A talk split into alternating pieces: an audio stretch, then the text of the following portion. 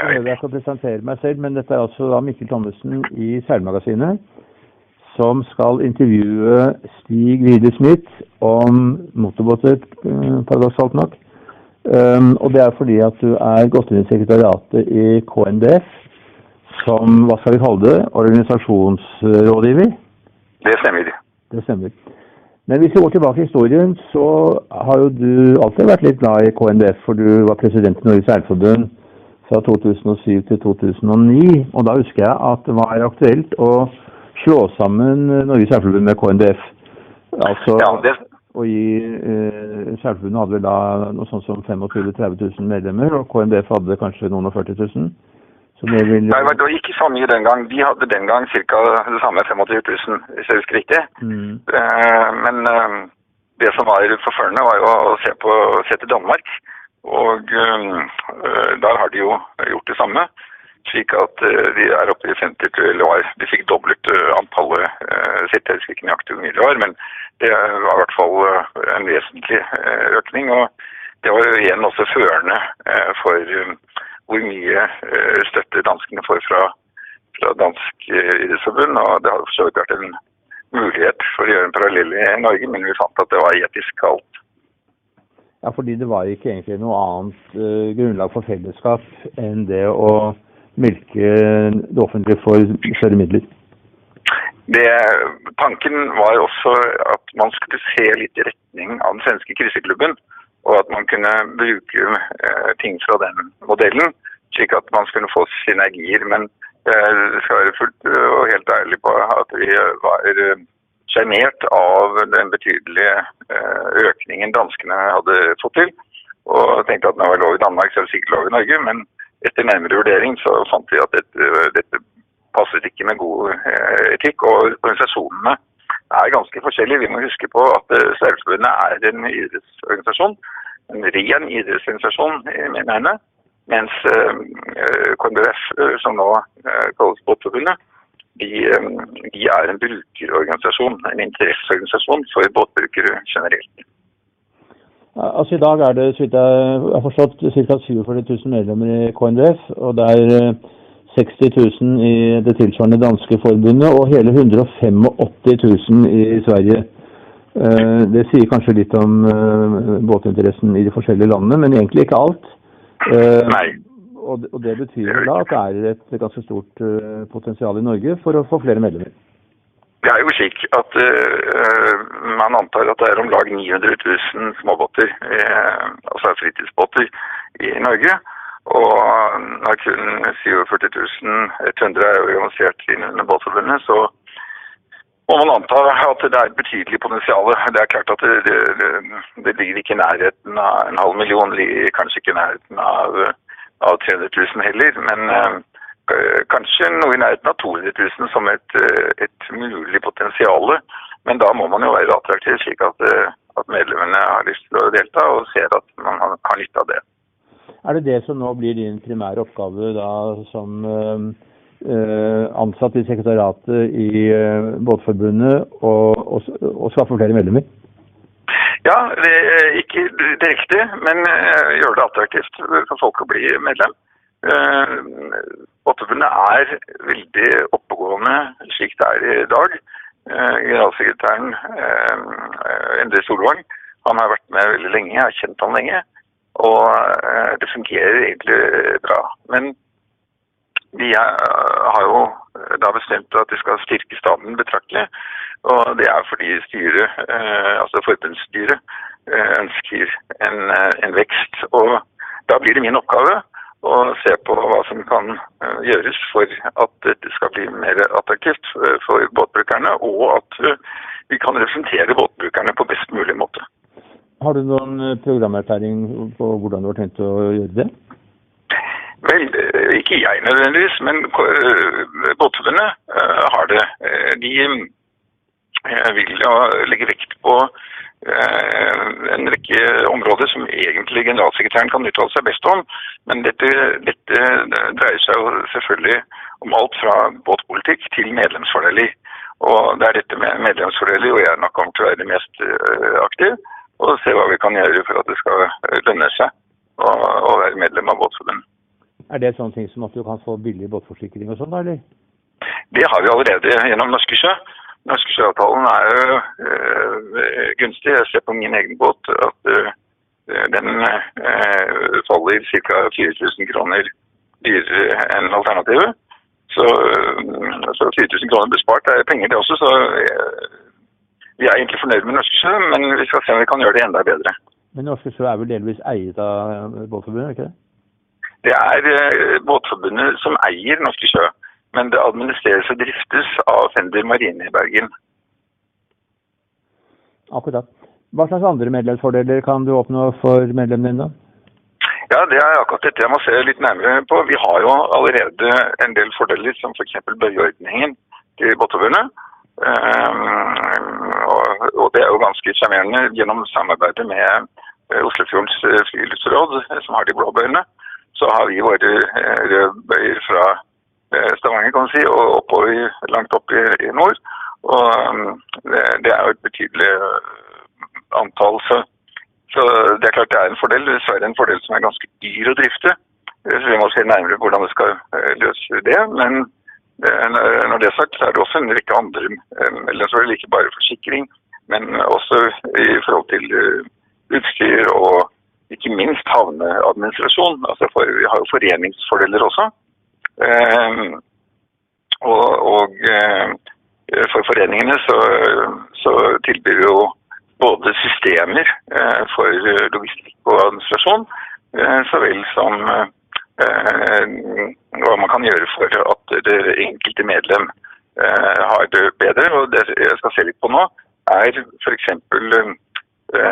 om vi kan få til noen form for bytteordning. Altså, når jeg drar på ferie med min båt, så eh, er det noen andre som er på ferie med sin båt, og det hadde vært veldig kjekt hvis man eh, hadde klart å lage logistikk på det, slik at man kunne bytte litt plasser og spare penger på det, og kanskje også at det ligger en gevinst på foreningene eh, der også. Men det er ganske krevende prosjekt, det krever mye administrasjon. og Har dere, ja. har dere mulighetene for det? Det eh, må nok ligge i hovedsak i et dataprogram, skal det fungere. Og Det er akkurat det vi jobber med her nå. Vi, vi eh, sjekker ut forskjellige muligheter og er allerede i dialog med leverandører på det eh, området. Og eh, hvis vi får dette til å, å matche, så vil man kanskje om noen år være der at man kan faktisk bytte båtplasser internt blant forbundsmedlemmer. Hvor mye koster det å være medlem av forbundet? Det er tre forskjellige, tre forskjellige kategorier av medlemmer. Og det, hvis jeg husker riktig, varierer vel sånn stort sett fra 150 til 170 kroner, avhengig av kategorien. Det billigste er, er disse eh, foreningsmedlemmene, eh, som for så vidt eh, er eh, fullverdige medlemmer, men ikke har helt det samme eh, eh, rettigheter som, som disse lagsmedlemmene. Og så har du individuelle medlemmer. Så det er en litt, eh, litt spesiell struktur. Men um, det er sånn man har kommet opp i det betydelige antallet også, da. Av 47 100 medlemmer. Mm. Uh, uten å skulle rippe opp i dette med flagget, for det er jo melder seg over jevne mellomrom. nå etter at kong Harald ble konge, så ble det jo da uh, bestemt noen endringer i, i flaggreglementet, men det er fremdeles forbeholdt KNS-medlemmer. Eh, KNVF er jo også da en kongelig forening. Har det vært eh, aktuelt å forsøke å få flagget? Det er jo mange som er medlem for å kunne føre dette flagget? Eh, ja, allerede har det vært medlemmer på meg og spurt om hvordan muligheten er for det. Og ut fra litt kjennskap til kong Harald, så vet jeg at han er ikke særlig innstilt på det. Så jeg tror ikke vi skal bruke mye energi på å å, å prøve å tilegne oss et flagg som faktisk tilhører KNS. Så um, selv om det er aldri så vakkert, så vil nok det være en av medlemsfordelene til KNS i overskuelig fremtid, vil jeg tro. Eh, du sier et sted at eh, for å ha en stemme overfor myndighetene, så er det viktig at det er mange medlemmer. Korrekt. Og denne stemmen, hvordan vil dere bruke den? Ja, eh, vi er allerede i gang med å bruke den. Eh, så langt eh, så har vi brukt stemmen i forhold til besøk på, Stortinget. Altså besøkt forskjellige politiske eh, partier. Og generalsekretæren, det er han som burde svare på dette. Han, det er han som har ansvaret for den biten. Han har jo også iverksatt politiske møter i, på forskjellige steder, som f.eks. Tønsberg, Oslo og Hamar. Og hvor det har vært stor interesse også fra pressen. Så det er nok et område som jeg tror generalsekretæren vil satse mye på i fremtiden. Har dere registrert at det er noen forskjell fra de forskjellige politiske partiene til hvordan de støtter fritidsbåtbruking? Det er et godt spørsmål. Nå har det vært valg, og da er det påfallende hvor positive de alle sammen er. Men når politikken skal ansettes i praksis, så, så blir det ofte litt annerledes. Og enkelte områder står under press. Jeg tenker da også spesielt på, i Oslo så har vi jo Oslo Motorbåtforening. og Der skal det altså omreguleres og utvikles. Og hvordan det går med det store anlegget om elleve år, det er det ingen som vet. Men har en smis. Det er utrolig viktig. Men sånn i utgangspunktet så syns jeg at politikerne virker påfallende positive i forhold til båtfolket. Men det var jo selvfølgelig da i et valgår. Har forbundet noen synspunkter og, når det gjelder utvikling av elmotorer for motorbåter? Vil dere stille dere i en kampanje for å utvikle det? Det må generalsekretæren uttale seg om. Det ligger utenfor mitt mandat, men det er ingen hemmelighet at, at jeg har fått ting på min pult i, i den retning. fordi man må jo vurdere og se på fordeler og ulemper.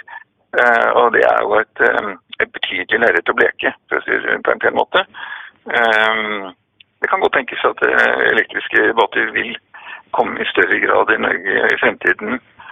men fortsatt så ser vi jo at på hurtiggående båter og tyngre båter så er det ikke så, så enkelt. Men teknologi, teknologien går jo fremover for hver dag, så hvem vet hvordan det ser ut fremover.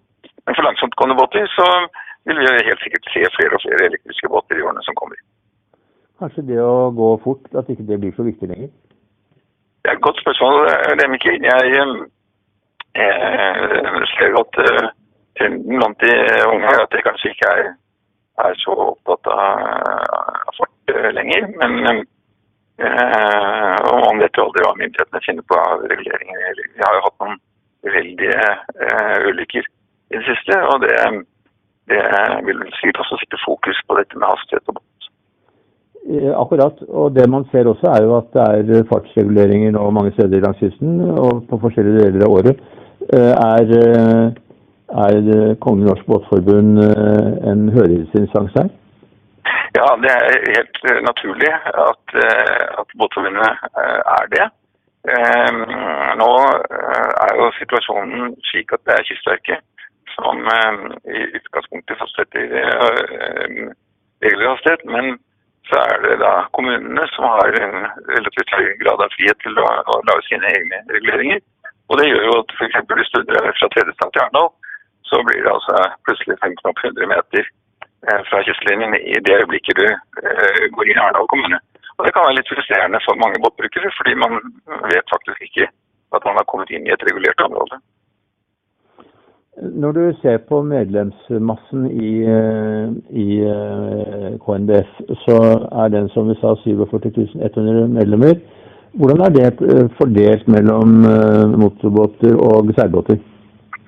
Det har jeg ikke oversikt på ennå, men jeg synes det som gammel seiler så syns jeg jo det er hyggelig å se at det er faktisk ganske mange seilere som er med i KNBF. Men de fleste er jo da gjennom, gjennom sitt bryggelag og slikt. For rent idrettslig så vil det jo alltid være idrettsforeningene som, som altså særforeningene som, som vil ivareta deres interesser. Men du er inne på et godt og veldig sentralt spørsmål, fordi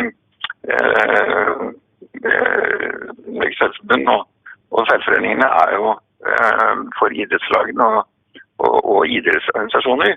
Mens vi er altså en brukerorganisasjon og slik sett har et litt annet perspektiv og litt større press på f.eks. det politiske. Men dere er f.eks. ikke tilsluttet Norges idrettsforbund? Nei. Det, vil i hvert fall aldri jeg anbefale. Det er ingen grunn til at man skal lære det. Båtfolket er stort sett folk som bruker båten i sin fritid og til, til tur og, og, glede, og i mindre grad, i liten grad i forhold til idrett og regatta. Innenfor båtverden så er jo du først og fremst kjent for ditt engasjement innenfor seiling, både som aktiv, du har seilt mye brett. Stigbrett mener jeg du ble kalt en gang. Det var selvfølgelig din barndom, og ikke minst brettsportens barndom. Ja, det var en luring som heter Mikkel Thomsen som kom frempå med den i en artikkel. Men det, det, var jo i forbindelse med bretteboomen, som jeg var så heldig å få lov til å være med på da vi etablerte Melkfestival og Milk Cup. Og og da jeg senere eh, ble landslagstrener for brettseilerne i, i olympisk klasse. Og en veldig morsom tid som jeg fortsatt gleder meg stort over. Det var en brytningstid, og uh, Milcup husker alle som uh, kanskje den første ordentlig kommersielle regattaen i Norge, som var uh, av en viss suksess. Store arrangementer med brettseiling på sørlandskysten. Men i forbindelse med det så laget hun egen seilforening, Kristiane seilforening, som som var jo på en måte kommersielt basert. Eh, det var litt spesielt den gangen. Var det lett å få til? Det var det ikke. Eh, det var jo mye knurring. Og eh, i dag så, hvis du ser på f.eks. Holenderseilasen, så er det jo mye av det samme prinsippet som, som vi la til grunn. Det er ikke skjult at Kristiania seilforening, som er absolutt oppegående og eksisterer i dag, fortsatt, den, den, ble jo etablert på bakgrunn av at vi opplevde at vi måtte gjøre det. Det som var gledelig, var jo at det kom mye godt ut av det over tid. Og slik så, så, fikk man egentlig etablert en ny modell for hvordan man kan utvikle større arrangementer. Det var jo det ble jo et millionarrangement uh, ut av det etter hvert. Og det var morsomt med masse aktiviteter over hele landet. Det, det, det var virkelig moro. Og Crescendo var jo festival og Milkdays. Mm. Uh, og slik sett var det jo en stor gata, fordi det var over 500 deltakere, og de gikk over flere dager, så det var et stort, stort arrangement. Mm. Og da hadde dere en stor eh, sponsor som i dag heter Tine. Den gang het den kanskje noe annet, men det var i hvert fall eh, det var i hvert fall meieriene som sto bak ja. uh, Melkefestivalen. Og, det Norske Meierier som sponset. Nettopp. Og, og, det var jo melk var jo den gangen ansett som å være sunt. Uh, ja. Derfor så mente man at det var et bra publikum. Ja, uh, og det var mye, mye som klaffet. altså. Uh, den Milk-logoen ble altså veldig populær. Så det ble på en måte en trend ut av det. Og dette var jo samtidig med bredseilingens blomstring. Så det var flere ting som inntraff samtidig, og som, som falt heldig ut. Og, vi holdt på med hvilke seks år. Og det var skrekkelig morsomt. Etter hvert så ble vi mette av dager. Og, og da var det ikke den samme seilen. Vi ville kanskje litt for gamle. Men man må kunne si, når man ser tilbake på din karriere da, innenfor seilsporten og, for båtsporten i det hele tatt, så er det jo da spesielt i seiling som du har gjort deg gjeldende. Men, men, det er vel mer som organisasjonsmann enn som aktiv seiler? Ja, da, altså, jeg henger jo fortsatt med, men jeg har jo aldri vært noe, noe toppseiler i i hvert. Jeg har jo vært, jeg synes det er gøy, og fortsatt så ønsker jeg å være med i drakkklassen. Men eh, jeg hadde en stygg sykeulykke for halvannet år siden. Og det har gjort at de to siste sesongene så har jeg ikke fått seil. Men jeg har jo båten og håper å være i stand til å kunne delta til neste år. Når det gjelder ditt engasjement for seiling, så var du president i Norges Seilforbund, og så gikk du over til det som da het ISAF, World Sailing heter det i dag. Der var mhm. council-medlem en periode, og, eh, men nå er du ikke det lenger. Eh, du har vært i Skandinavisk Seilforbund, Eh, du var vel kandidat til et høyt verv i Europeisk seilunion, men ble ikke valgt. Det var vel litt av geografiske årsaker. Hvordan vil du summere opp din organisasjonsmessige karriere innenfor seiling? Ja, den har vært utrolig morsom. og utrolig takknemlig for alt jeg har fått lov til å være med på. Etter, altså, da jeg ble president i Seilforbundet, så ble jeg også president for det som da het Skandinavisk Seilforbund. Og så utviklet vi det eh, til å bli nordisk seilforbund med de baltiske eh, nasjonene i tillegg. Slik at det ble, ble åtte, åtte, nasjoner. Og da, da ble jeg altså, også etter hvert eh, valgt som eh, council member, da, styremedlem for, for eh, det internasjonale seilforbundet. Og satt der de to metodene man kan sitte. Heldigvis ble man sparka ut da, og det, sånn bør det være. fordi det er nok av de som har sittet lenge nok i, i systemet, og det er ingen tjent med. Det betyr at du har en betydelig organisasjonsmessig kompetanse innenfor uh, båtsport. Uh, og den kan forhåpentligvis uh, Kongelig Norsk Båtforbund få glede av i årene som kommer. Så vi i Seilmagasinet og Båtliv også ønsker deg lykke til med det, og håper vel at vi kan samarbeide litt om ting og bidra til den suksessen som du forhåpentligvis vil kunne få. Ja, det håper jeg også.